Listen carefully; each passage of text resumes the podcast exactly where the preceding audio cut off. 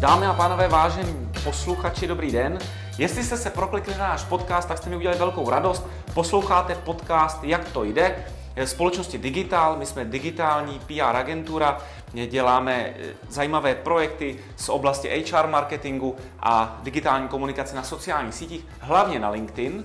A dneska máme u mikrofonu mojeho kamaráda a zároveň i obchodního partnera, velmi zajímavého hosta a jednoho ze zakladatelů společnosti Juisa, Martina Kučeru. Martin, ahoj. Ahoj Jirko, moc tě zdravím. Tak já jsem rád, že jsi zavítal k nám do digitálu, do našeho ředitelství Headquarters. Prosím tě na začátek, jak to jde?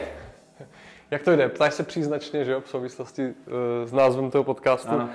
Hele, uh, díky za otázku a díky za pozvání především. Uh, jde to skvěle, řekl bych. Začátek roku je takový hektičtější po obchodní stránce, protože, jak si říkal, jsem spoluzakladatel Jusapu a zároveň mám vlastně na starosti obchod, to znamená starat se o stávající zákazníky, aby byli s námi spokojení a aby ty projekty, které nich děláme, tak aby přinášely extenze, což je přesně ten teďka to období, kdy jsme třeba něco rozjednávali na podzim a ne všechno se s ohledem na to, jak to bylo hektické, dotáhlo, takže teďka, teďka se to překlopilo do ledna, února, kdy dojednáváme to, jak bude ta spolupráce na rok 2022 vypadat. A do toho samozřejmě je potřeba neustále to portfolio zákazníků a klientů rozšířovat, takže hledáme zákazníky nové. Takže teďka ten leden, únor je v tomhle takový hektický, kdy mně přijde, že všichni se jako po Vánocích jako nadechnou a řeknou si, co všechno eh, v novém roce budou chtít zvládnout, takže teďka je spoustu těch oportunit eh, rozjednaných a, a uvidíme, co z toho všechno dopadne. Takže teď je to takové velmi, velmi, velmi jako eh, aktivní. No já na to za chviličku navážu. Jenom pro posluchače, jestli slyšíte vrzat parkety, tak je to tím, že Martin chodí. Ale já myslím, že je to úplně v pořádku, protože náš podcast Jak to jde není nebo se nejmenuje jen tak náhodou, jak to jde, ale my fakt jako točíme za chůze, akorát, že tím, že je zima, tak nemůžeme chodit venku. A zpátky... Tak já budu chodit po místech, kde ty parkety nevržou. Já, já se tě říct po špičkách. Prosím, ale zpátky k tomu, co ty jsi řekl. Eh, já často začínám schůzku, eh, nebo tu online, takhle, online schůzku začínám tím, vidíme se, slyšíme se. Jasně. Tak, ale eh, zároveň tím, že se jako bavíme o tom, v jak rychlé době žijeme a že eh, dřív se říkalo, já nevím, před Vánocema nebo před létem člověk potřeboval dotáhnout projekty, tak to bylo tak jako hektický. Ale dneska mi přijde, že je úplně jedno, jestli je začátek roku, prostředek nebo konec roku, že prostě jako i u nás a ve všech firmách slyším, že všichni jedou úplně jako nadřeň, úplný bomby. Takže ty si to vlastně potvrdil, ale tím, že vy jako JuiceUp děláte engagement zaměstnanců, zapojení a podobně, eh, tak eh, není to možná jako jeden z, z takových bodů, který vy ve firmách řešíte, jako jak, jak by firmy nebo jak by zaměstnanci měli trošičku zvolnit, možná být efektivnější a zvolnit hmm. a cítit se v práci líp? My jsme svého času měli v našem produktovém portfoliu program, který se jmenoval Stop and Think. A, a bylo to přesně z toho důvodu, a, že jsme přišli a řekli, hele, podívejte, pokud chcete a, někam ten engagement posunout, tak je potřeba se trošičku dostat z té exekutivy, trošičku se zastavit, podívat se na to, co děláte z nadhledu. To znamená udělat stop a pak udělat think a zamyslet se, kterým směrem se dále vydat.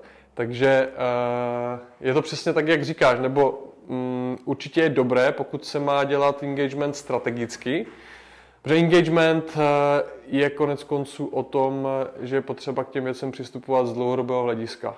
Pokud se udělá jedno opatření, které trvá měsíc, dva a eh, klient potom očekává, že mu skokově vyroste engagement, tak, tak to bohužel, nebo možná bohu dík, prostě není. Engagement je strategická věc, která se musí jako budovat. Jako všechno, co má nějakou hodnotu, tak eh, to potřebuje nějaký čas. Jo. Prostě když někdo chce budovat firmní kulturu na nějakých hodnotách, tak nejprve ty hodnoty musí vydefinovat, eh, musí mu nějakým způsobem souznít, musí souznít i těm zaměstnancům a potom na těch hodnotách se dá ta firmní kultura stavět. Jo. No a tak stejně je to u engagementu. To znamená, ano, pokud ten engagement, teď přemýšlím, jak zněla ta otázka, abych ti na ní vůbec odpověděl, abych neutekl, ale uh, Jestli neřešíte to, že, že vlastně zaměstnanci jsou přehlceni, žijeme neustále na, na 100%, na 110%, no. A jestli to není i často jako zadání pro vás, jak to...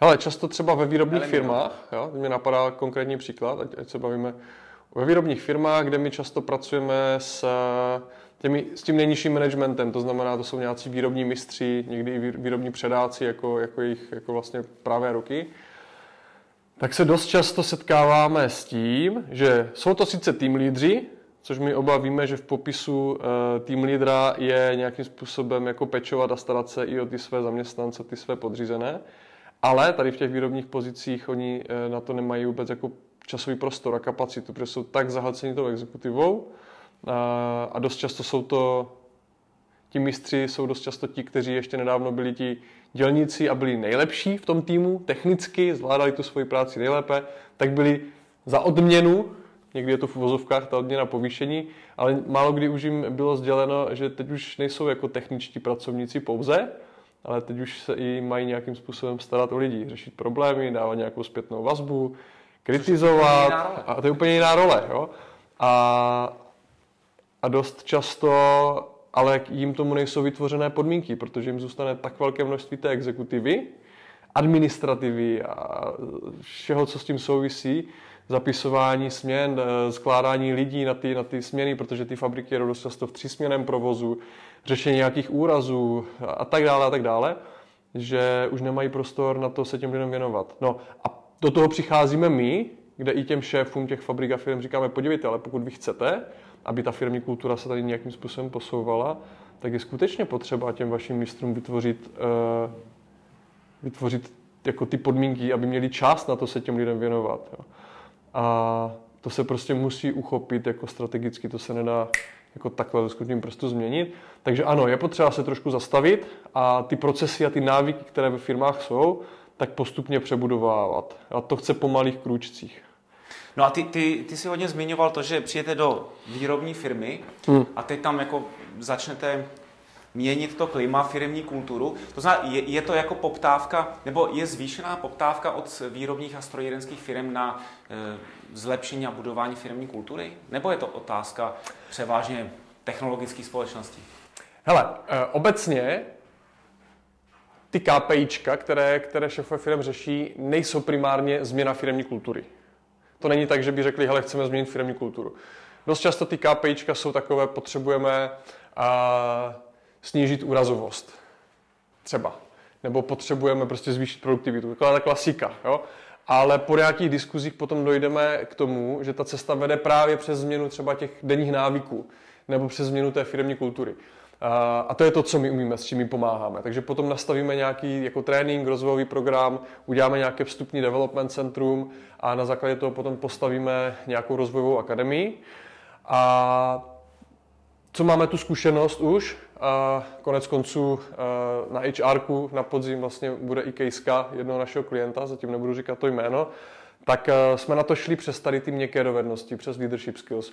U toho nejnižšího managementu, se kterým se to v té fabrice nedělalo prakticky nikdy, nebo už hodně dlouho zpátky, protože eh, celý top management a tak dále neustále prochází nějakými školeními na leadership skills, eh, lean, kaizen a všechny tady ty věci, ale ti lidé, kteří pod sebou mají třeba 80% celé té fabriky, tak těm ano. ta podpora se jako málo kdy dostává. A na tu jsme se zaměřili a máme feedback od vedení továrny, že to má dopad na ty tvrdé KPIčka že se to skutečně jako mění. Jo.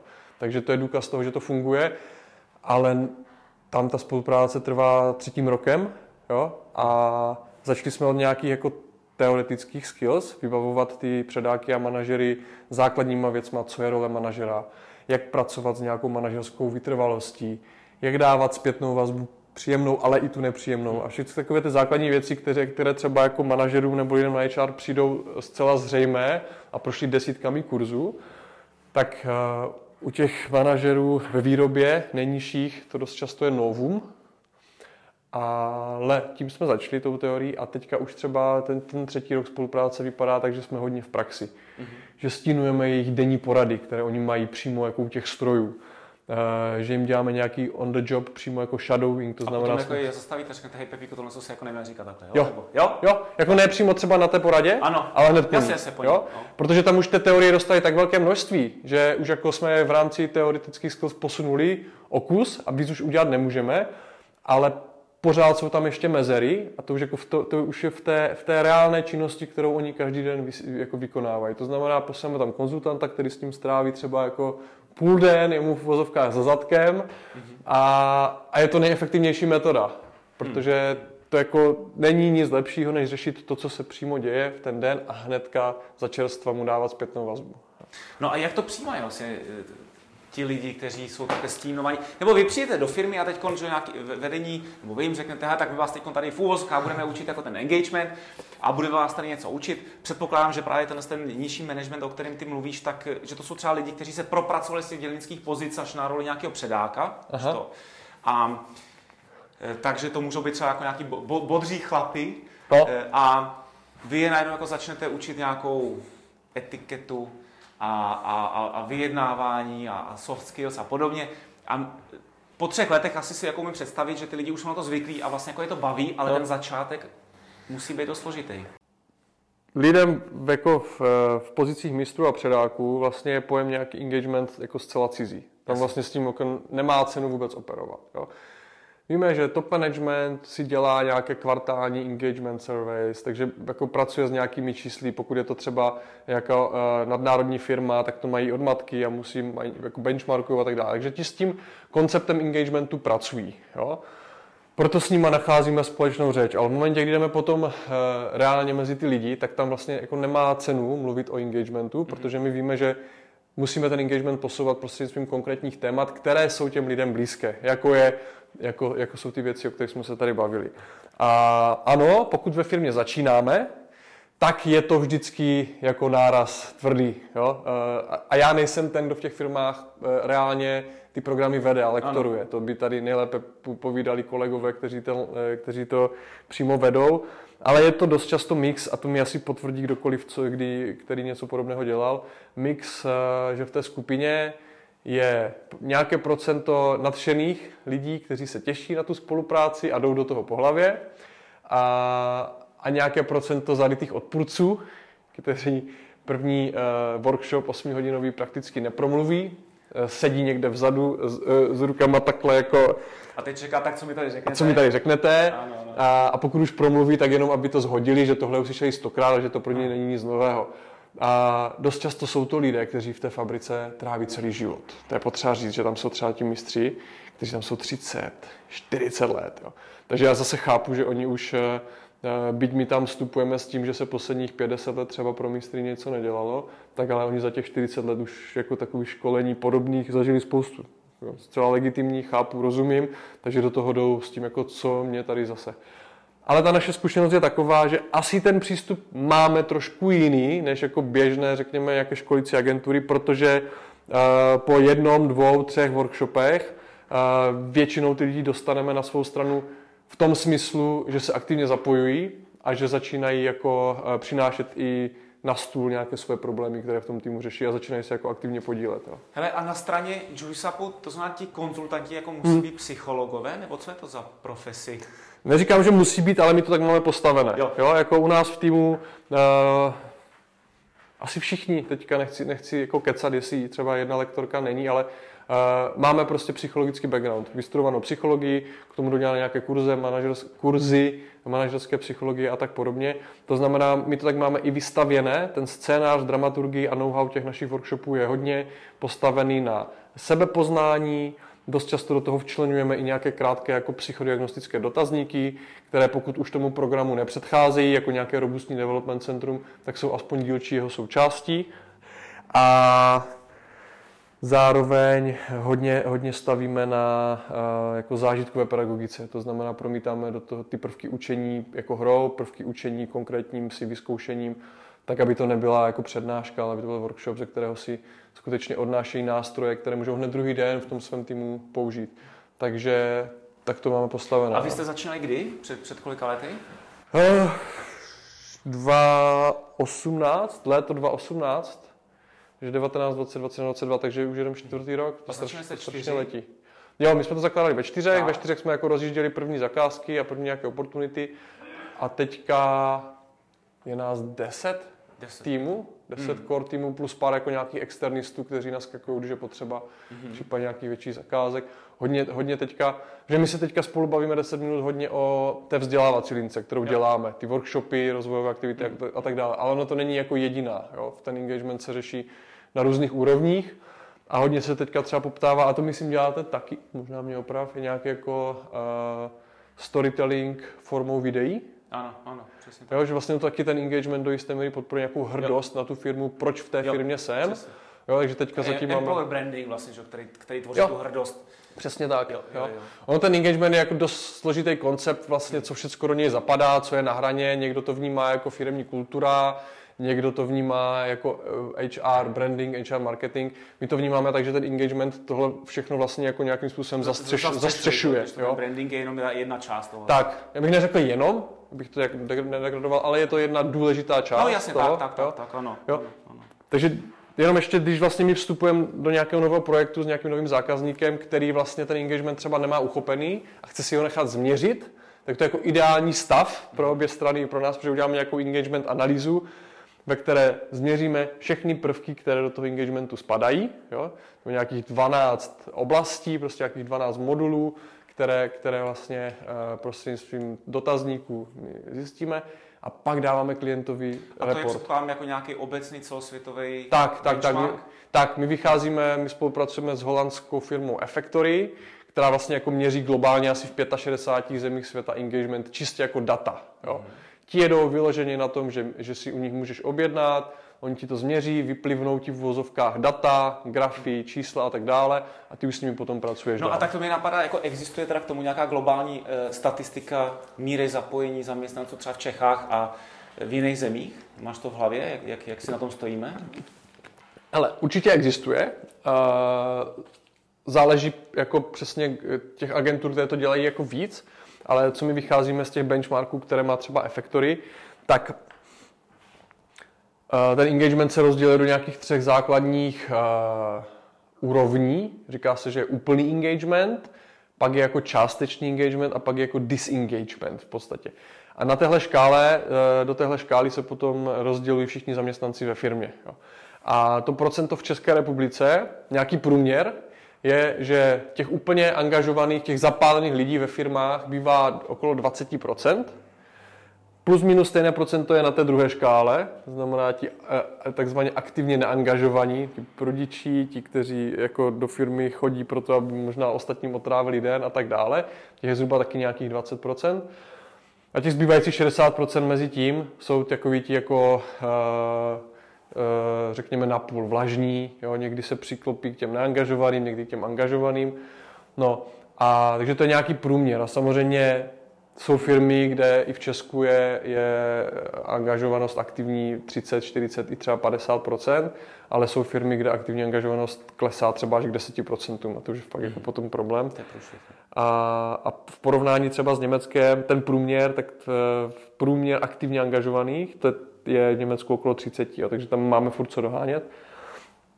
A, no a ta intervence naše, pokud vstoupíme do, do, klient, do, do, do, do firmy, tak je o tom hledat ty cesty, jak za A zvyšovat procento těch aktivně angažovaných. E, tam většinou dostáváme ty lidi, ty vlažné, kteří nejsou jako v té, v té skupině. No a jak snižovat to procento těch e, aktivně neangažovaných. To je vlastně ten princip takhle jo. nějaké jako teorii. No ale u každého klienta, u každého zákazníka se na to jde úplně jako jinou cestou, protože každý je v jiné fázi vývoje, v jiné fázi růstu, jiné věci řeší, takže tak no. no a ty, jsi, ty, ty máš roli obchodníka. Ano. Eh, tak kdo je pro tebe ten klient nejčastěji v té firmě? Je, je to ten, ten, eh, ten hlavní ředitel, majitel nebo, nebo nějaký jednatel CEO, a nebo je to HR? Kdo s tím přichází za vámi? Dá se říct, že uh, jsou to oba. Dost často otevírám jednání eh, s HR manažery, s HR šéfy, kterým to musí zapadnout do nějaké koncepce, kterou jako dělají dlouhodobě. Některé firmy si eh, nějaké engagement survey dělají sami, takže tam my je neděláme a jenom potom konzultujeme s nimi ty výsledky a pomáháme navrhovat akční kroky. Jo. Takže dost často to vstupní jednání je s HR šéfy, a, ale ve velké většině případů potom, když už dochází na nějaký decision making, tak už se jde do, do další komunikace přímo s CEO, s jednatelem a tak dále. Jo. Co mám zkušenost, je, že pokud to jednání od začátku jde od CEO, že se v úvozovkách vynechá nebo přeskočí HR manažer a jemu, tomu CEO, to dá smysl od začátku, což ne tak vždycky je, protože on zase to, to, tu personalistiku nebo tu, hmm. tu, tu, tu HR oblast eh, třeba jí nepřikládá takovou důležitost z logiky věci. Jo, jo, jo. Eh, tak, tak eh, pokud už ji vidí a všechny tady tyhle jako měkké věci mu v jeho vidění světa a firmy dávají smysl, že budou podporovat i finanční výsledky, tak potom už je to jenom o tom, že, eh, že to vlastně do HRu zadá, do HR oddělení. Jo. Takže ta cesta přes toho CEO je vlastně jednodušší, protože on je šéf té firmy a pokud, říct, že... pokud mu to sedí, ale zase dostat se k těm CEO je mnohem náročnější. Hmm. Jo.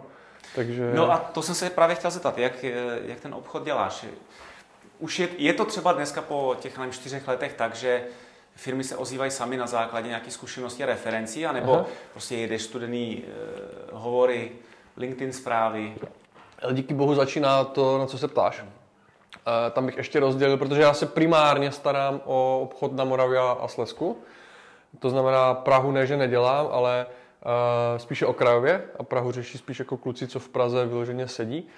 Uh, no Nicméně pořád převažuje ten aktivní obchod. Jo? Pořád je to nějaké oslovování nových. Eh, nejsem příznivec, nemám rád jako cold cally, takže se tomu vyhýbám jak čert kříži, pokud to jde. To znamená, spíše vyhledávám nějaké akce, konference, kde nějaký networking, kde ty lidi můžu osobně poznat, potkat, dát se s nimi do řeči a hodně poslední dobou používám LinkedIn, ten mě přijde skvělý, prostě vyhledávat ty lidi tam.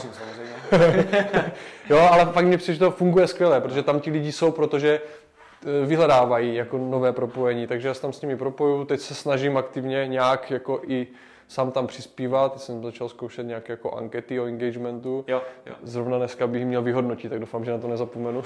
Já nevím, jestli jsi viděl ten náš poslední článek o srovnání roku 2016 na českém LinkedInu a 2022. Kde, jo, jo, viděl, no. No a tam jako ten nárůst těch manažerských pozic je, je jako obrovský. No. Že, já si pamatuju, že v tom roce 2016, když jsem tu infografiku dělal, tak bylo asi 620 tisíc českých účtů, což nemuseli být uživatelé, ale prostě byly to účty. Uh-huh. A bylo jako nižší jednotky tisíc nebo desítek tisíc jako lidí na pozici ředitel, ale dneska to jsou stovky. O to. Mm. Mm.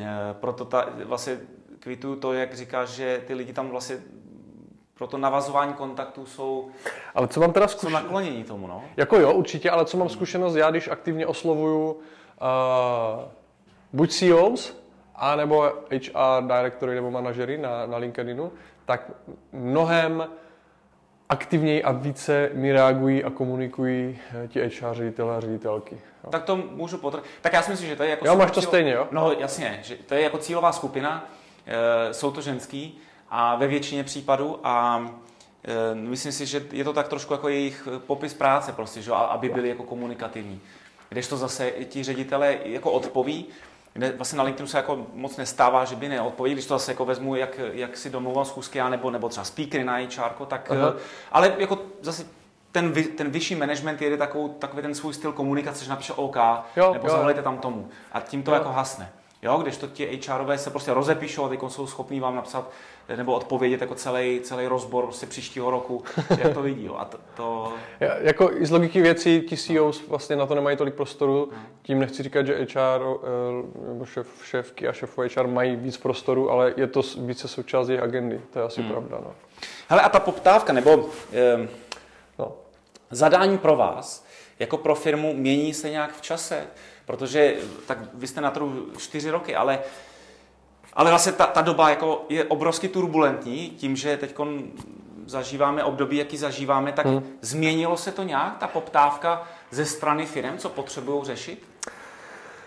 Určitě se to proměňuje. Jo. Eh, když pominu, když pominu takové ty technické věci, to, že jsme začali dělat eh, mnohem víc věcí v onlineu, což začal dělat asi každý, ale věci, které my jsme třeba jako development centrum, kde jsme byli jako zarytě přesvědčení, že to je věc, která se musí dělat offline, protože tam jako potřebuje s těma lidma být. My tam máme většinou naše nasažené, nasazené pardon, tři konzultanty od nás. Jo, že development centru 8 hodinová záležitost, zhruba 10 jako manažerů a teďka se střídají na různých testech, různých zátěžových aktivitách, individuálních, skupinových a tak dále. Jo?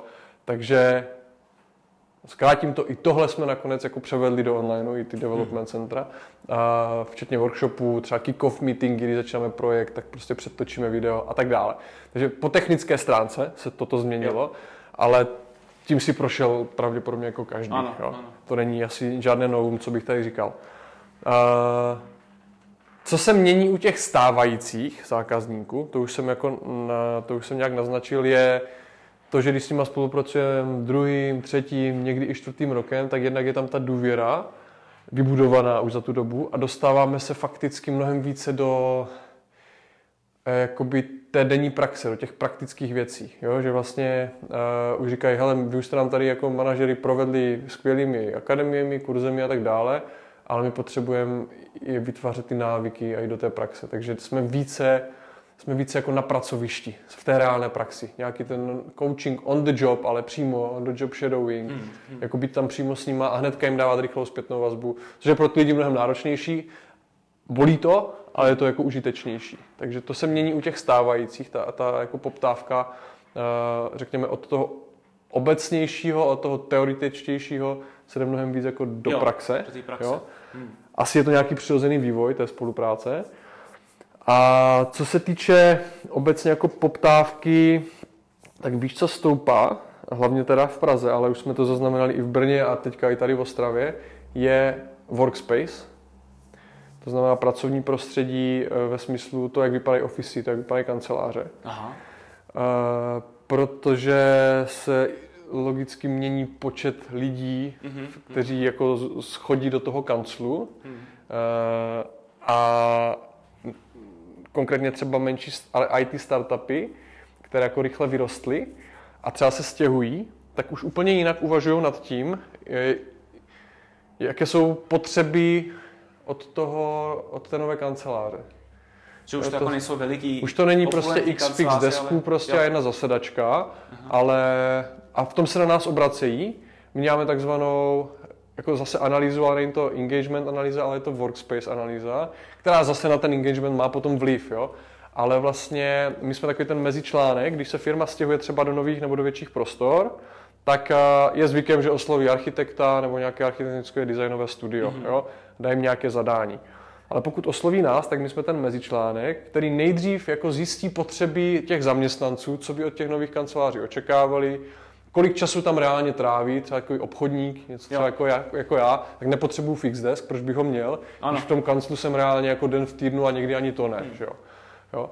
Takže uh, my uděláme tu workspace analýzu a výstupem nějaký workspace plán, nějaké jako časové i kapacity lidí, které tam jako bude potřeba využít a reálně to vypadá tak, že teďka se ty kanceláře designují na mnohem více eh, společných prostor, nějakých kreativních, sdílených, kde můžou jako se ty projektové týmy potkat na hodinku, na dvě, na tři, zabrainstormovat tam nad tím projektem a pak jdou každý třeba domů nebo na nějaké místo, které eh, zítra budou sedět zase na jiném, nepotřebují mít pořád to stabilní. Tak, tak, tak. Jo? Takže pomáháme konzultovat a to potom jako zadání předáváme tomu architektovi, aby už to na to vymyslel, my nejsme ti architekti, a ty kanceláře tak, aby podporovali tu produktivitu té práce, mm-hmm. jo, tu kreativitu mm-hmm. a tak dále. Takže potom třeba stoupá poptávka hodně, hlavně teda v Praze, ale začíná se to, už jsme dělali Brno a teďka máme rozjednaný projekt i tady v Ostravě, takže toto se nějakým způsobem řeší. A nemusí to být nutně jenom stěhování.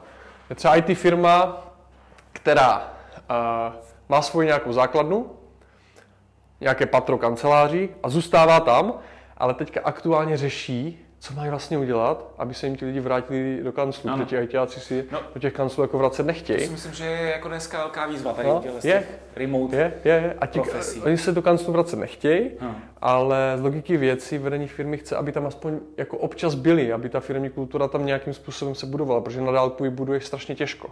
Jo. Takže teď přemýšlí co, no tak změníme kancli, aby se jim tady líbilo víc. Jo? A tak je jako vymalujeme je jinak jo? a dáme tady prostě uh, kulečníkový stůl, no takové ty věci, které mm-hmm. tohle úplně ty lidi zpátky do kanclu nepřitáhnou. Mm. Jo?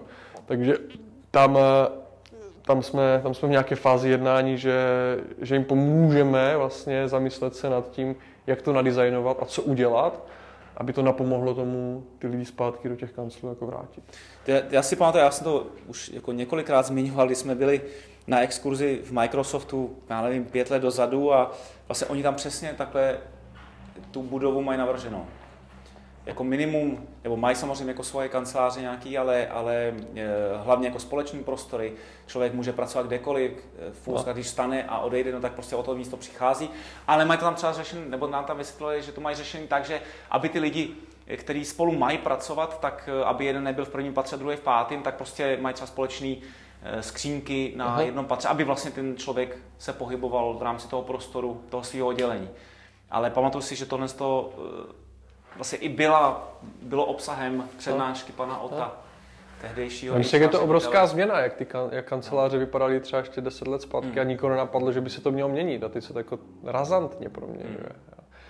Takže to je třeba věc, která... Eh, a my jsme vlastně na ten workspace už jako se připravovali třeba dva roky zpátky, ještě, jako, ještě dlouho před covidem, možná tři roky zpátky, už, protože jsme vnímali ty signály z Anglie, ze západní Evropy, že tam se to hodně řeší tak jsme si připravili tady na to nějaký koncept, produkt, ale tak nějak jsme předběhli dobu, protože nikdo nechápal, co vlastně Jasně. No. nabízíme. A teďka najednou se s tím fakt jako roztrhl poslední měsíce pitva, což je skvělé. A když se stal na to, v čem se ještě mění poptávka, tak se třeba uh, mění poptávka nebo ozývají se nám zákazníci, že mění hodně třeba jako organizační strukturu firmy. Jo? Jak teďka se třeba buď rychle rostou některé firmy, nebo se fúzuje, tak si nás pozývají k tomu, abychom jim konzultovali správné přenastavení té organizační struktury, tak aby byla funkční, včetně třeba i nějakých procesů a tak dále. Jo. To znamená více konzultantská činnost, ne taková ta klasická workshopová vzdělávací, ale více konzultační, která jde víc do střev a do jádra fungování té firmy, tak eh, potom taky stoupá teďka poptávka mm-hmm. docela dost. Jo.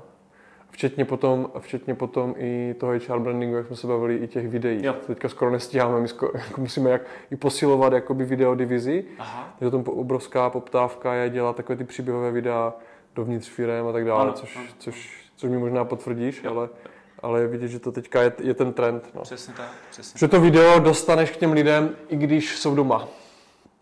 Jo, i když nejsou třeba v té fabrice. Myslím si, že firmy hledají ty způsoby, jak oslovit své zaměstnance Eh, plošně, když už je nemají všechny na jednom místě, tak eh, to video je jedním z nástrojů, jo? nebo i podcasty vlastně děláme třeba nějaké firmní pro klienty, hmm. ale to zatím je okrajově. Ty vy máte teda záběr úplně obrovský, od, od no. psychologie až po digitální marketing. No ten digitální marketing je, je okrajová záležitost, ten primárně nenabízíme a neprodáváme, ale jo, v momentě, kdy jsme... Jo, přesně, když už jsme v nějaké spolupráci delší dobu a ono se tam jako nabídne, tak, eh, tak to třeba zrealizujeme. Ale není to věc, na kterou se soustředíme, ani se ani jako nechceme soustředit. My spíš chceme být odborníci na ten engagement a v tomhle být jako jedni z nejlepších ideálně hmm. v republice na to se specializovat. Což pokud chceme být v něčem nejlepší, tak nemůžeme mít tak široký záběr. Takže jako jo, řekl, že máme široký záběr, já se mu vlastně jako bráním, protože my ho zase tak široký mít nechceme. My chceme fakticky uh, se zaměřovat na ty engagement analýzy, audity, rozvoj engagementu prostřednictvím toho, co jsem říkal, nebudu tady opakovat. Ale pak se to uděláte, abyste to měli jako pod jednou střechou. Ale pokud už nás to klient požádá a Aha. nějakým způsobem to dává smysl a jsme schopni, už jsme kolikrát i odmítli, ale řekl, že to už je mimo záběr, že to už jako nejsme schopni. Jednou jsme se spálili, že jsme se ucházeli v nějakém výběrku o vyloženě jako PR kampaň, jo. Naštěstí jsme ji nevyhráli. pak jsme si říkali, jak bychom to dělali.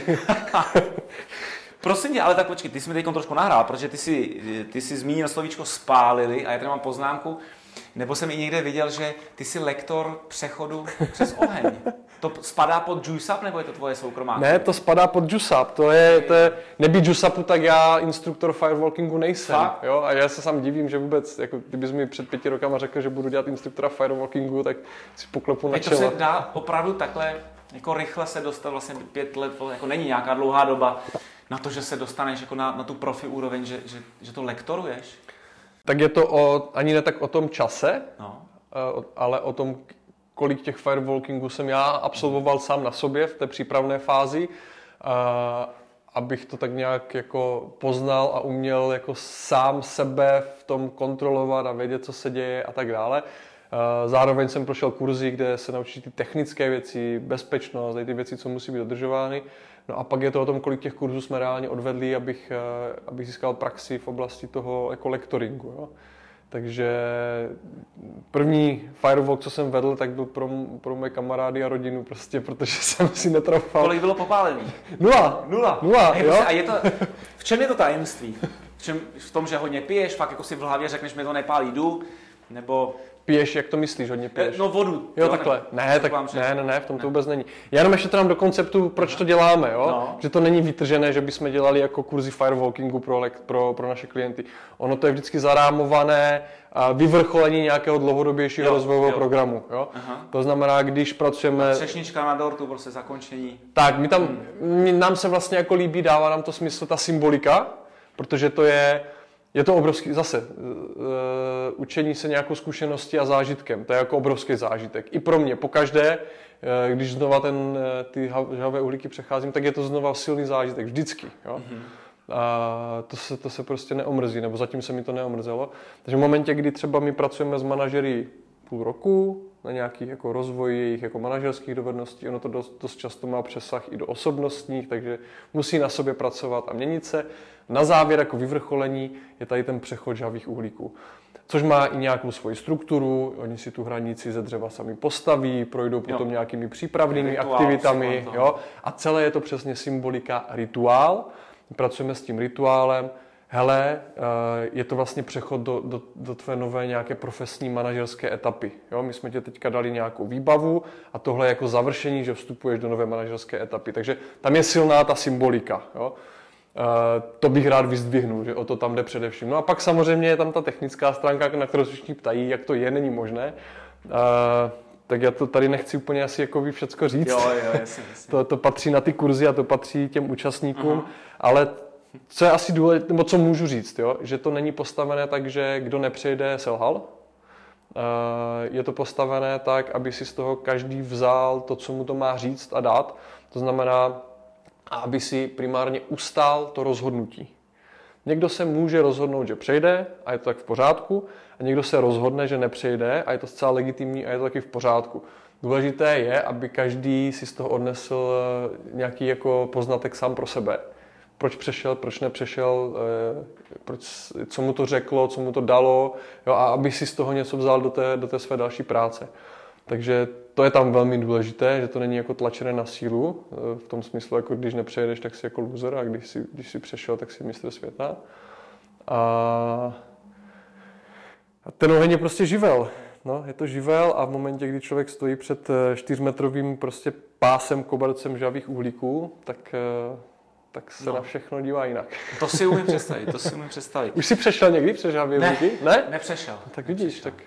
Ale eh, právě teď jako si tak v hlavě říkám, eh, jestli, jestli bych to dal, no. Tak takhle, věřím, že ten, asi ten, ten den, že když se na to ten člověk připravuje, tak, tak, tak ho to na to i mentálně připraví. A Neumím si to představit, neumím si představit prostě jako ten, možná ten okamžik těsně předtím, než na to člověk šlápne, Aha tak eh, ten musí být jako hrozně složitý, hrozně těžký. Je to i tak, že v průběhu toho dne, když začínáme nějaké ty přípravy, tak spousta lidí říká, já nevím, jestli to přejdu. Říkám, tak je to, tak, a je to úplně v pořádku. Já nechci od vás teďka nějaký závazek, že přejdete nebo nepřejdete. A oni, oni do toho jdou s tím, hele, nevím, jsem sám zvědav, zvědavá, co to se mnou udělá a uh, jsem otevřený jakémukoliv řešení a variantě a až budu stát před tím, tak uh, uvidím. Jo. No, No tak to je... Doporučuji vyzkoušet, Jirko. No tak příště, až budeš dělat nějaký otevřený kurz, tak rád se přijdu podívat. Ale eh, my máme spolu ještě jednu takovou jako společnou vášeň a to je běh. Ty jsi teda asi trošičku lepší než já, ale um, já jsem si nevím. vyzkoušel tu jednu tvoji aktivitu minulý rok a to, byl, to byla firmní štafeta na H10, Havířovském běhu. Aha. A musím říct, že teď já to nevězní, že jako běhám Eh, hodně závody. Neběhám hodně závody, ale třeba jeden, dva si tak jako hobby zaběhnu. A to, co se mi strašně líbilo, protože to prostě podporovalo vlastně ten engagement. Byť já jsem to běžel za eh, za takovou jakoby partu, která úplně nesouvisí s digitálem, ale, ale bylo to hrozně fajn. 10 kilometrů, každý prostě 2,5 kilometru, eh, běžíte ze štafetou, super atmosféra, týmy, týmy nebo, nebo, nebo běžci se hecujou. Tak možná jenom na závěr, když krátce zmíníš, H10 a e, pozveš na ten běh, možná řekneš prostě, jak se k tomu dostal, A kam to chceš posunout do budoucna? jo. Ona H10 je vlastně jako nejstarší aktivita z těch všech, o kterých se tady bavíme, protože e, jako můj osobní, nebo můj příběh je takový, že já Jusab je firma zasídlená v Praze, která teda vznikla před těmi čtyřmi roky a zakládali jsme ji s dalšími třemi a v tu dobu já jsem nějakým způsobem většinu času žil v Praze, aby jsme to rozjeli.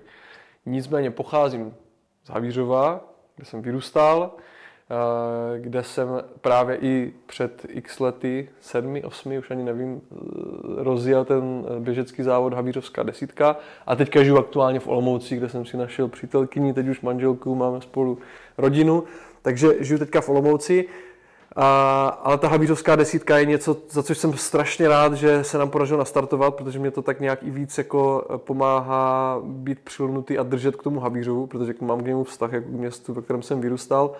A já jsem se dřív ještě věnoval paralympijskému sportu boča. Ano, to si vzpomínám, že jsme jo. se taky bavili. No, no, no. Jo, jo. A to je vlastně, to je vlastně, to mě dovedlo k té H10. Já jsem vlastně díky toho i studoval jednu ze dvou škol v Olomouci, jsem studoval takzvanou aplikovanou tělesnou výchovu, což je ve zkratce propojení speciální pedagogiky a paralympijského sportu. Jo. Mohl ze mě být učitel tělesné výchovy na speciální škole, nebo nějaký trenér paralympioniků nebo něco takového což, což jsem se vydal jinou dráhou, ale uh, velkou část života svého zatím krátkého jsem strávil právě věnováním se boče, kdy jsme založili i sportovní oddíl pro bočisty. Pro ty, kdo nevíte, co je boča, tak je to sport podobný petangu, pravidla jsou podobná, ale je uspůsobený pro hráče s těžkým tělesným handicapem, hrajou na vozíku a hraje se to v tělocvičně. A možná si ty nebo i posluchači zaregistrovali, že poslední paralympiáda letní, ano. tak náš hráč tam mhm. udělal senzační eh, zlatou medaili. Jo.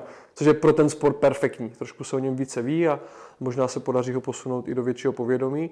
No ale ať to zkrátím, my jsme se rozhodli spojit ty aktivity běh a boču a založili jsme závod Havířovská desítka, který má významný benefiční rozměr, protože stovka z každého zaplaceného startovného jde právě na podporu uh, bočistů, na jejich činnost, vybavení, uh, cesty po turnajích po světě a tak dále. A zároveň ti bočisté jsou přítomní na té H10 jako aktivní organizátoři, což ten závod jako posouvá do trošku jiných rozměrů. Mm-hmm. Protože mně už to přijde normální, uh, bavit se a mít za kamarády vozičkáře, ale všímám si, že u většiny lidí nebo u velké části populace Eh, je to něco nezvyklého. Dost lidí se s člověkem s handicapem během svého života nesetkalo a když najednou s ním jsou face to face, anebo když jdou na běžecký závod a tam jim nějaký borec na vozíku dává jako jejich startovní číslo, tak jsou takový jako nervózní ano, nebo neví, ano, jak se mají neví, chovat. Jak se chovat jo, jo. A pak najednou druhý den teda běží s tím startovním číslem a podél tratí jim pět vozičkářů jako tleská fandí, tak ti lidi jsou najednou z toho úplně jako jako úplně jako nechápu, jo, co se to děje, že prostě uh, borci na vozíku, kteří sami v jejich očích by možná měli někde uh, jako plakat a litovat se, tak jim ještě fandí prostě, jo. Takže to si myslím, že tomu závodu dává jako jiný, jiný rozměr a jsem za to strašně rád a lidi, co tam chodí, tak tu ve zpětnou vazbu nám dávají. A no, ptal se na ty plány, jako já jsem maximalista ve všem, co dělám, podobně asi jako ty. Takže když něco dělám, tak chci, ať se to pořád někam posouvá. Jo. Momentě, když se to přestane Přesně. posouvat, tak mě to přestává bavit. Jo, tak to znamená, společný. to máme společný. Takže mým cílem je, aby H10 byla jako do dvou, třech let, už to fakt jako uh, chci, aby se to stalo co nejdřív největším běžeckým závodem tady v regionu, co do počtu lidí. Jo. Teďka ten covid nám to trošku zaseknul, jeden ročník jsme zrušili úplně, loňský jsme uspořádali tak tak. Věřím, že už to půjde jako teďka zase zpátky nahoru. A teďka jsme nějaký posílili tým, máme nějakou holku jako projektovou manažerku, aby se tomu mohla věnovat naplno, což je jako důležitý předpoklad tomu, aby to nestagnovalo. No a chceme cílit na nějaké dva, do budoucna třeba tři tisíce závodníků, hmm.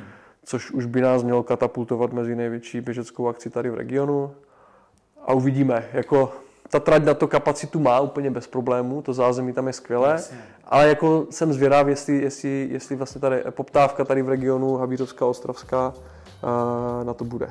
A věřím, že ano. Já věřím, že ano. Já bych to možná tím vlastně ukončil. Já se na, na Hardisku strašně těším, ať už poběžím za tým digitál nebo třeba HR.